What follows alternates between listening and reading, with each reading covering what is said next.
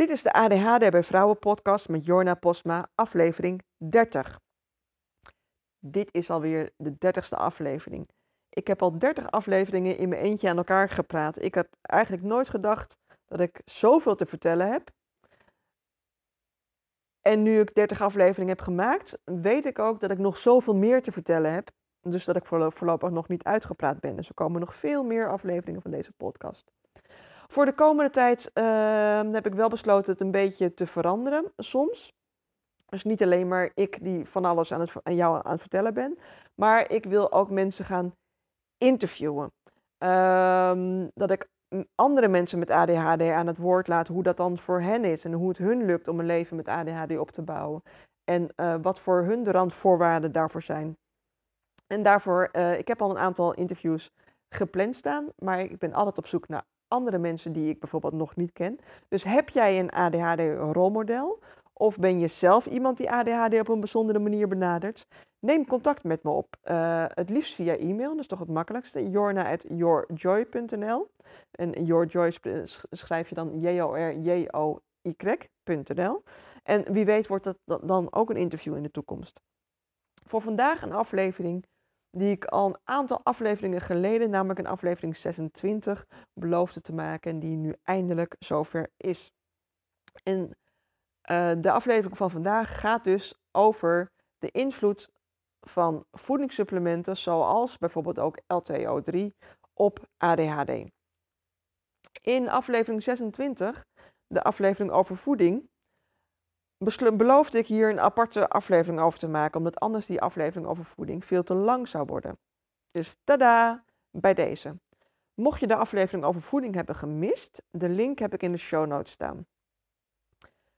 Uh, de aflevering over voeding viel trouwens niet bij iedereen in de smaak, want voeding is een hot topic. Dat bleek, dat bleek wel, want mijn eh, DM en mijn uh, mailbox die barsten uit elkaar van ehm, de meningen ook van andere mensen over voeding.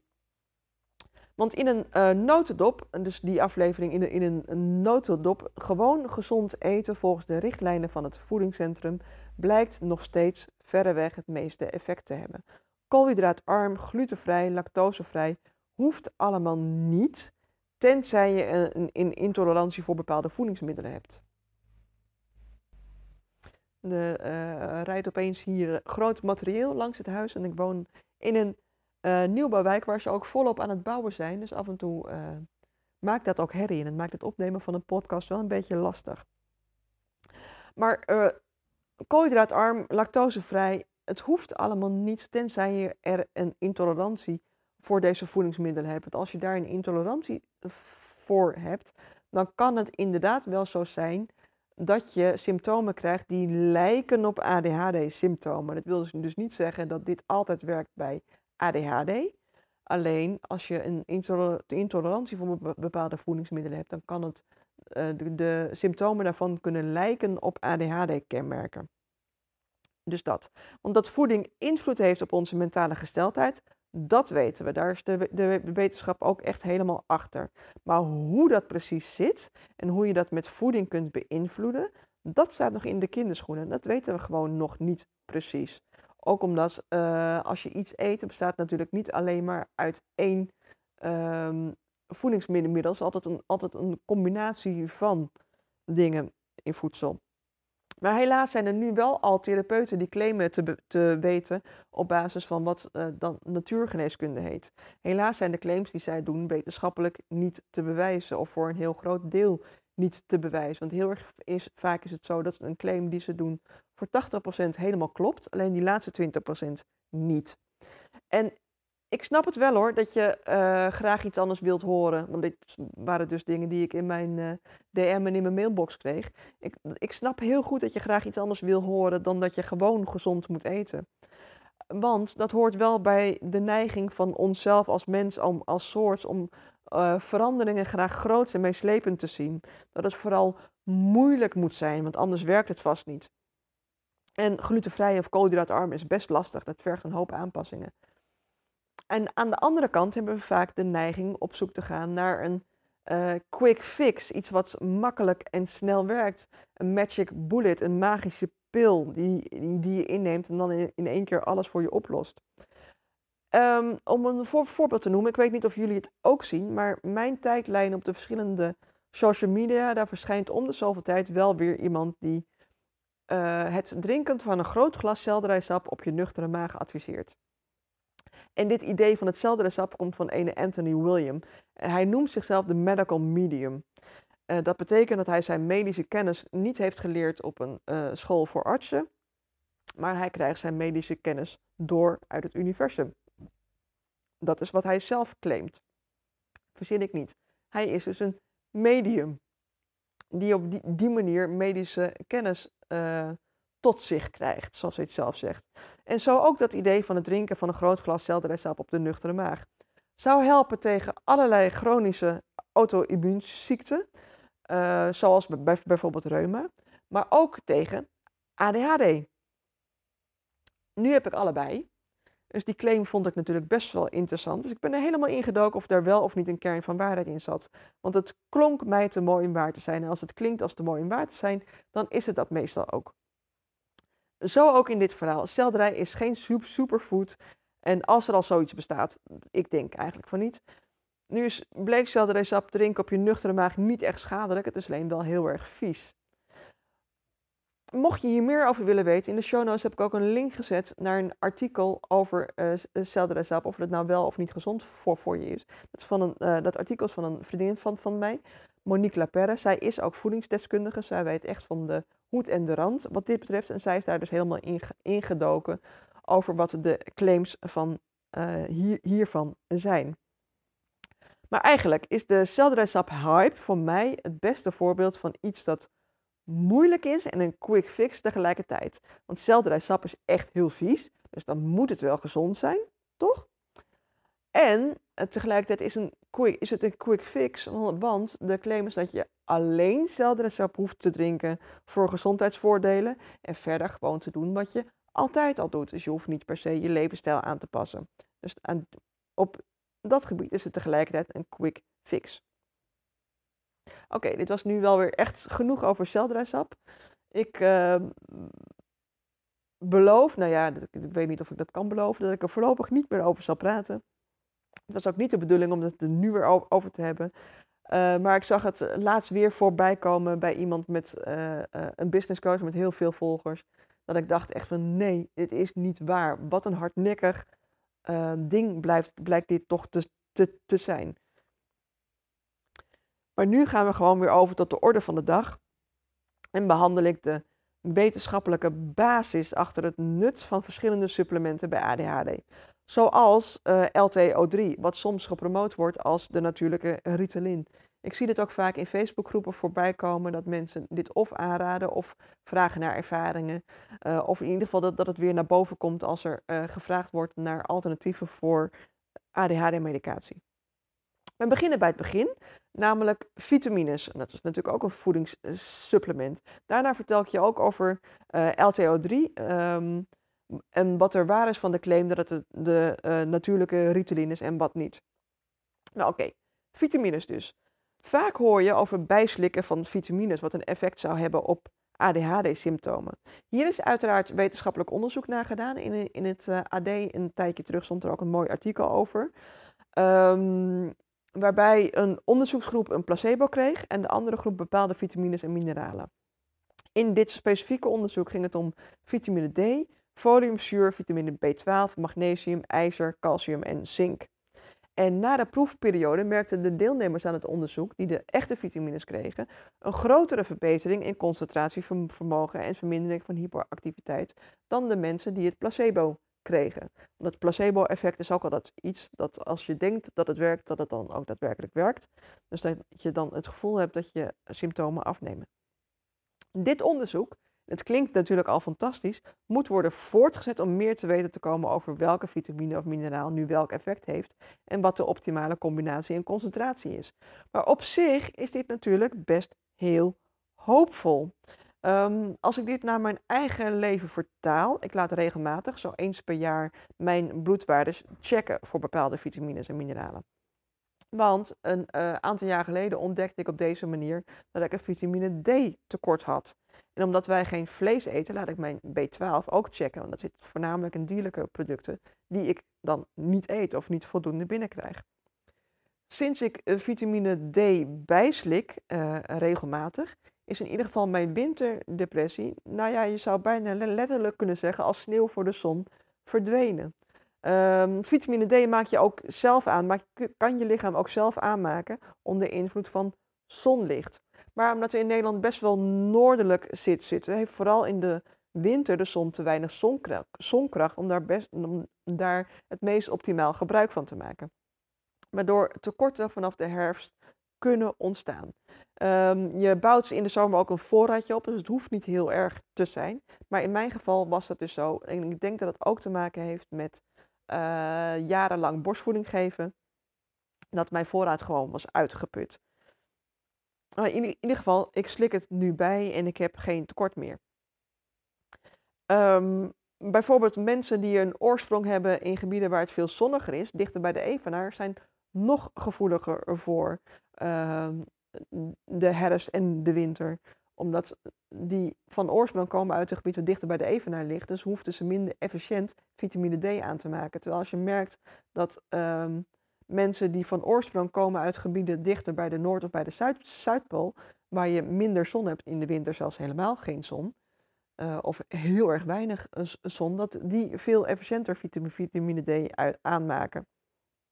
Dus het, het, ligt eraan of je, hoe efficiënt je dat aanmaakt waar je oorspronkelijk vandaan komt. Maar laat voordat je slikt altijd even je bloedwaardes uh, checken. Want misschien is het wel helemaal niet nodig om bij te checken. Uh, dus vitamine D, um, ik weet niet of het invloed heeft op mijn ADHD-symptomen. Ik kon daar ook niet echt wetenschappelijk onderzoek over vinden. Ik merk wel dat het mijn stemming, vooral in de winter, en mijn vermoeidheid in de winter uh, een heel stuk heeft verbeterd. En ik weet ook dat veel vrouwen met ADHD daar last van hebben. Dus laat je vitamine D-waarde checken. Oké, volgende. Magnesium. Um, ik vond een onderzoek waarin de conclusie was dat er bij kinderen met ADHD veel vaker een magnesiumtekort is dan bij kinderen zonder ADHD. En in hetzelfde onderzoek bleek dat een half jaar lang magnesium toedienen een significant effect had op het afnemen van hyperactiviteit en agressiviteit en het toenemen van het, focussen, van het kunnen focussen op schoolwerk vergeleken met de controlegroep die een placebo kreeg. En na het stoppen bleek dat binnen een paar weken de effecten teniet werden gedaan. En dit is natuurlijk zeker wel interessant om nader te onderzoeken. Uh, met wel een waarschuwing om niet meteen naar de drogist te gaan rennen um, grote hoeveelheden magnesium bij te slikken. Want een teveel aan magnesium kan namelijk wel schadelijk zijn. Uh, je kunt er diarree van krijgen bijvoorbeeld en bij een langdurige overdosering zelfs hartritmestoornissen. Het kan dus helpen, alleen niet zelf gaan dokteren. Eerst langs de huisarts om je waardes te checken. En ook hierbij geldt dat als je voldoende gevarieerd eet, je al voldoende magnesium binnenkrijgt uit je voeding. Groene groenten, peulvruchten, volkoren graanproducten en vooral noten als cashew en amandelen. Ook pinda's, en dus ook pindakaas, bevatten magnesium.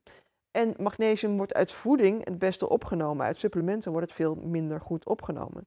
En een, een tweede kanttekening is dat in Nederland een magnesiumtekort bijna niet voorkomt. Het onderzoek dat gedaan werd, was ook niet in Nederland, maar in een, uh, in een, ander land waar het, waarin een gevarieerde voeding minder normaal gesproken is.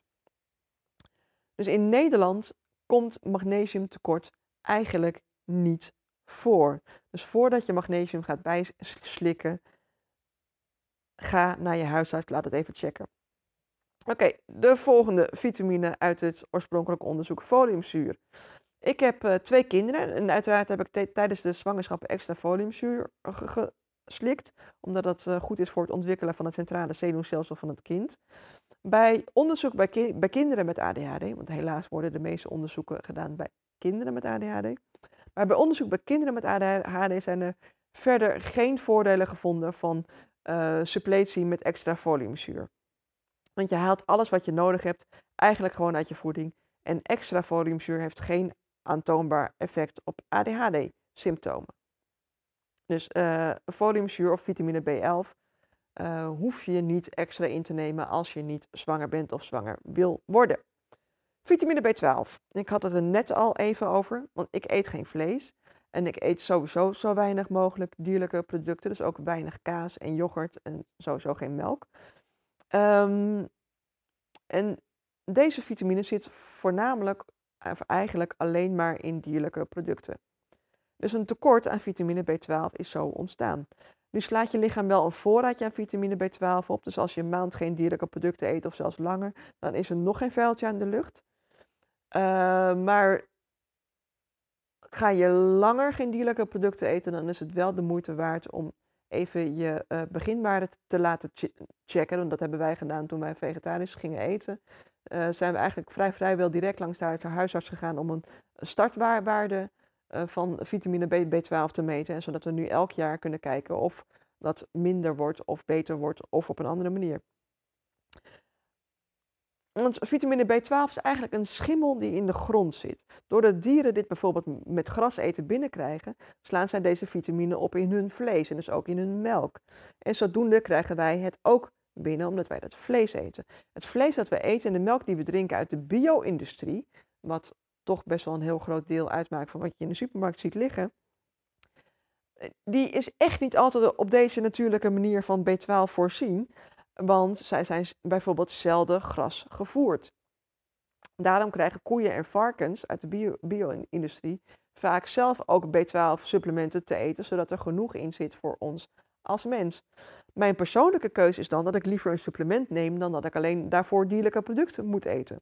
En bovendien zitten in alle vleesvervangers en in alle zuivelvervangers ook toegevoegd vitamine B12. Dus in Nederland heb je ook niet zomaar een tekort aan B12. En de relatie met ADHD is niet zozeer dat vitamine B12 um, een positief effect heeft als je daar dus meer van gaat slikken. Uh, maar meer dat er onderzoek naar is gedaan dat mensen, kinderen in dit onderzoek ook alweer, met ADHD of met een autisme spectrumstoornis vaker een vitamine B12 tekort hebben dan neurotypische kinderen. Het hoe en wat is voor zover ik weet niet onderzocht. Ik denk dan uh, zelf dat Um, de, want dat, dit is wel onder, on, onder onderzocht dat omgevingsfactoren spelen een grote rol. Niet in het ontstaan van ADHD, maar in de heftigheid van de symptomen van ADHD.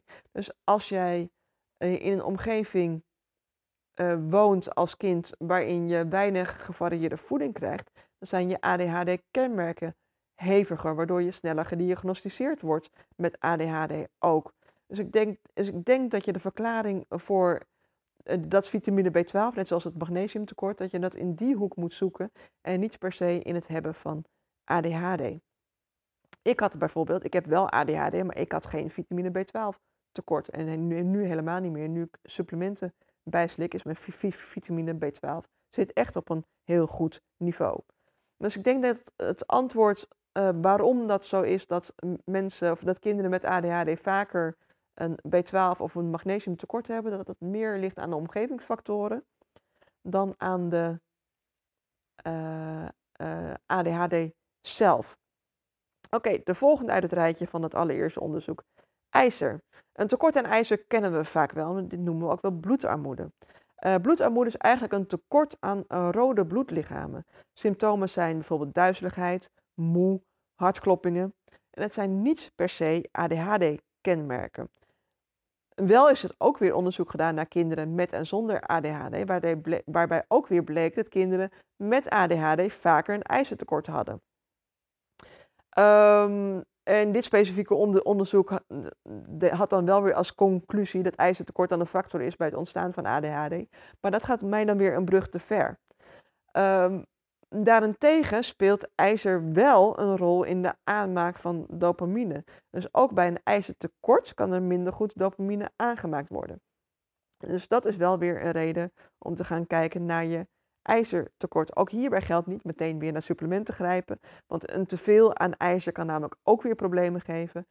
En uh, een tekort aan ijzer komt in Nederland ook niet zo heel erg vaak voor, omdat ons lichaam zo efficiënt is dat op het moment dat er een ijzertekort dreigt, je gewoon meer ijzer opneemt uit de voeding die je krijgt.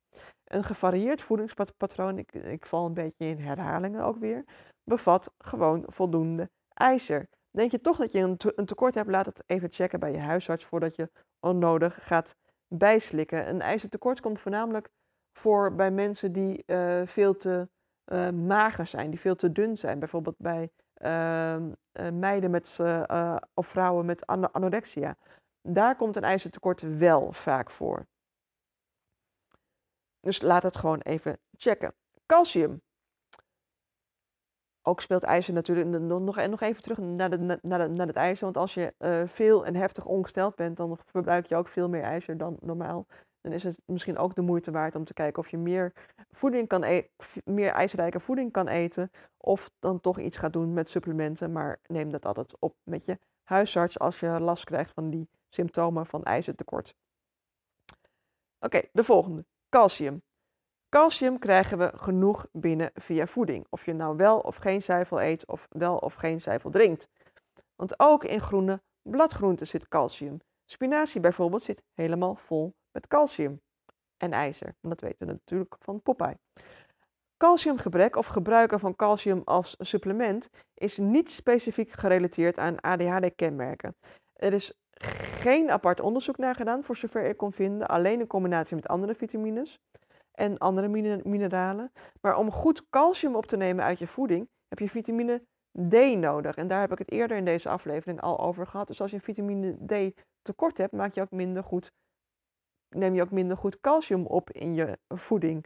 En, en dat kan dan weer leiden tot een calciumtekort. En daarnaast, om botontkalking tegen te gaan, is het niet alleen nodig om voldoende calcium uit je voeding te halen, maar ook voldoende lichaamsbeweging. Want door lichaamsbeweging wordt het calcium beter opgenomen in je botten, krijg je een hogere botdichtheid. Uh, calciumsupplementen nemen zijn niet nodig, aangezien een tekort aan calcium, ik zei het net al, vaker komt door een tekort aan vitamine D, waardoor de opname van calcium uit de, uit de voeding niet goed verloopt. Dus kun je beter kijken of je een, een, tekort hebt aan vitamine D en dat bijslikken, dan dat je calcium bijslikt. Want als je te weinig vitamine D, D hebt, wordt de calcium die je slikt toch niet goed opgenomen door je lichaam, heb je er nog niks aan. Oké, de laatste uit het rijtje, zink. Net als bij voorbeelden die ik hiervoor heb gegeven, zijn er ook onderzoeken gedaan naar het zinkniveau van kinderen met en zonder ADHD. En bleek ook weer dat kinderen met ADHD vaker, vaker een lager zinkniveau hadden dan kinderen zonder ADHD. En er is ook onderzoek gedaan naar suppletie met zink. En er blijkt inderdaad een lichte verbetering te zijn van ADHD-kenmerken als hyperactiviteit en impulsiviteit bij het innemen van uh, zink als supplement ten opzichte van een placebo. Het onderzoek hiernaar staat echter nog heel erg in de kinderschoenen. En er is onvoldoende bewijs dat het slikken van supplementen van zink de ADHD-kenmerken vermindert. En daarnaast ook weer als kanttekening dat in Nederland een zinktekort niet bestaat.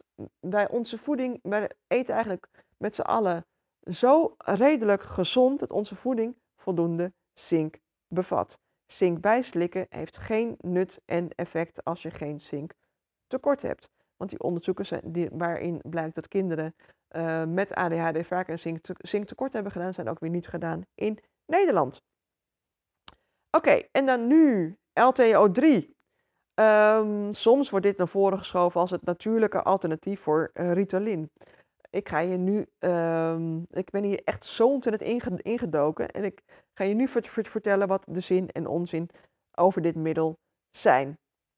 Um, ik zal je al meteen vertellen, naar LTO3 als combinatiesupplement is geen onderzoek gedaan voor zover ik kon vinden. Naar de afzonderlijke bestanddelen wel. Dus ik ga je nu um, de afzonderlijke bestanddelen voor je uh, ja, nou wil ik het Engels woord zeggen, down, breaking down. Maar dat is een beetje onzin. Voor het, de afzonderlijke bestanddelen één voor één voor je na. En één voor één neem ik je stap voor stap mee wat die bestanddelen doen en wat ze niet, niet doen. LTO3 staat voor L-theanine en omega-3. Dat zijn de hoofdbestanddelen van dit supplement.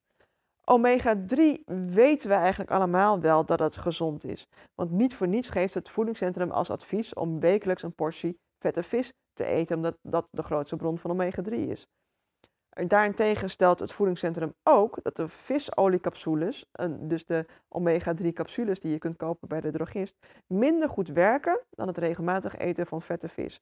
Er blijken in vis dus nog, nog meer uh, dingen te zitten dan alleen de omega-3 die gezond zijn voor je hersenen. Want omega-3 is goed voor je brein. Goed voor je focus. Dat, dat is ook wat het voedingscentrum zegt. L-theanine, dus het eerste deel van de LTO3, is een stofje dat uit theebladeren komt. Uh, in groene thee zit het bijvoorbeeld ook. En hier worden stressverlagende en rustgevende eigenschappen aan toegeschreven, zonder dat, dat het je. Um, uh, dus stressverlagend en rust, rustgevend, zonder dat je er een mindere bewustzijn van, van, krijgt. Dus bij, bij, bij bijvoorbeeld een uh, slaaptablet kan ook uh, rustgevend en stressverlagend zijn. Maar daar word je bijvoorbeeld wel, uh, ga je minder goed van focussen en word je wat, in ieder geval je bewustzijn werkt dan minder goed. Dat bijeffect heeft theanine dus niet. En uit verschillende onderzoeken blijkt ook dat theanine kan bijdragen aan de aanmaak van meer dopamine. Dit onderzoek is voorlopig alleen nog maar bij ratten en muizen uitgevoerd. Nog niet bij mensen. Het is daarom ook nog wel wat te vroeg om er echt conclusies aan te verbinden. Maar als je LTO3 wil proberen, er zijn geen schadelijke bijwerkingen. Het is een baat het niet en schaadt het ook niet ding in dit geval. Wat niet bij alle supplementen het geval is, zoals ik hiervoor al zei. Wel is het supplement LTO3 vrij prijzig en kost het ruim 30 euro per maand om te gebruiken. Uh, Omega-3 haal je zoals gezegd al voldoende uit je voeding bij één keer per week verse vis, uh, verse vette vis te eten. Um, en L-theanine los is een heel stuk goedkoper.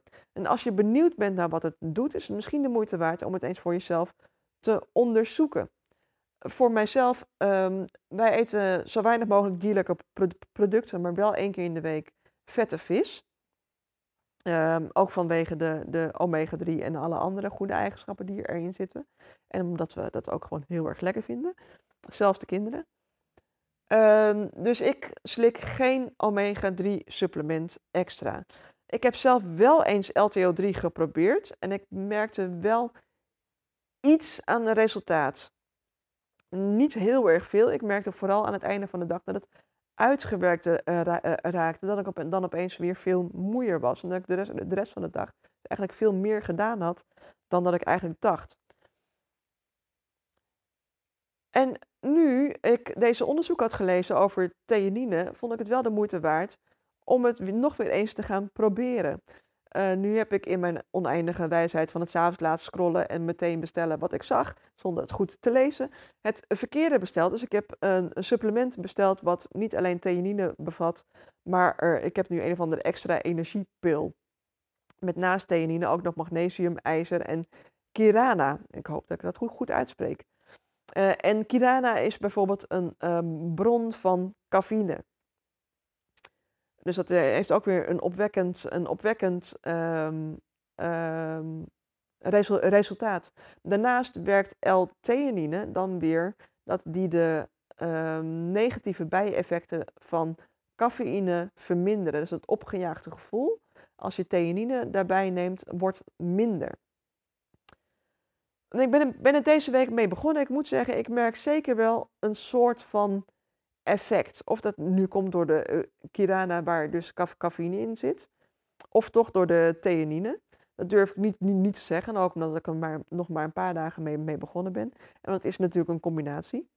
Um, van de week nam ik namelijk naast, de, de, de eerste keer dat ik dit uh, slikte, nam ik naast de capsule ook nog mijn dagelijkse kop koffie. En dat was dus eigenlijk te veel cafeïne van het, van het goede. Toen ging ik echt um, nou ja, ik merkte gewoon, uh, uh, ik drink ook maar één kop koffie op een dag, omdat ik heel sterk reageer op cafeïne. En dat was dus nu in dit geval met de, met de kirana en de cafeïne samen, was ook een te heftig effect. Nou moet ik ook wel zeggen dat ik de, nacht daarvoor heel erg slecht had geslapen. Dus dat was ook zeker een factor in hoe ik me voelde. Maar samen met koffie was dat dus voor mij te veel cafeïne. Ik ging me daar echt heel raar door voelen. En Dat zal ik niet nog snel, niet nog een keer snel doen. Ehm, ik heb in ieder geval wel uh, in die paar dagen een aantal langliggende klusjes in huis gedaan. Zoals de zolder opgeruimd en een ritje langs de stort gedaan. Terwijl ik dat eigenlijk al weken aan het uitstellen was. Dus dat had wel iets effect. Maar ik weet niet of dat uh, komt door de pil. Want ik ben geen wetenschapper. Dit is meteen de disclaimer van dit onderzoek in, mijn, in wat ik in mijn eentje aan het doen ben op mezelf. Ik ben mijn, mijn, mijn, mijn, eigen lab, labrat. Want ik in mijn eentje ben als onderzoekgroep namelijk gewoon te klein en daardoor niet relevant. Bovendien weet ik wat ik slik, tenzij de fabrikant me een loer draait en daar ga ik niet, niet vanuit. Het is niet dat ik uh, ook een placebo kan krijgen. Het, het is dus geen dubbelblind onderzoek.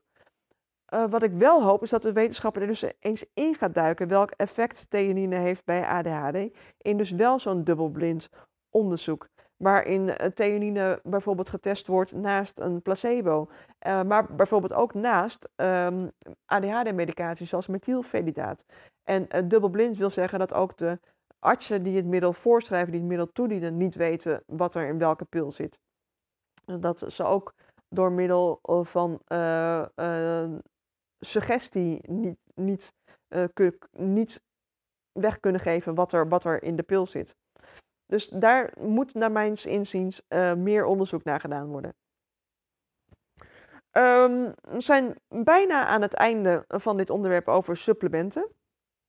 Um, nog één ding wil ik aan toevoegen, want ik kreeg via de stories bij mijn Instagram-account, uh, waar ik de laatste tijd wel gedeeld heb dat ik bezig ben met onderzoek naar dit onderwerp. En daar kreeg ik ook een vraag over, waar ik nu in deze podcast maar meteen van de gelegenheid gebruik maak om hem te beantwoorden.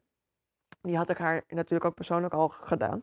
Maar de vraag was of een supplement van een voorstadium van dopamine effect heeft of effect kan hebben bij ADHD. Het is natuurlijk een beetje een technische, technische vraag die ik stap voor stap voor je ga behandelen hier.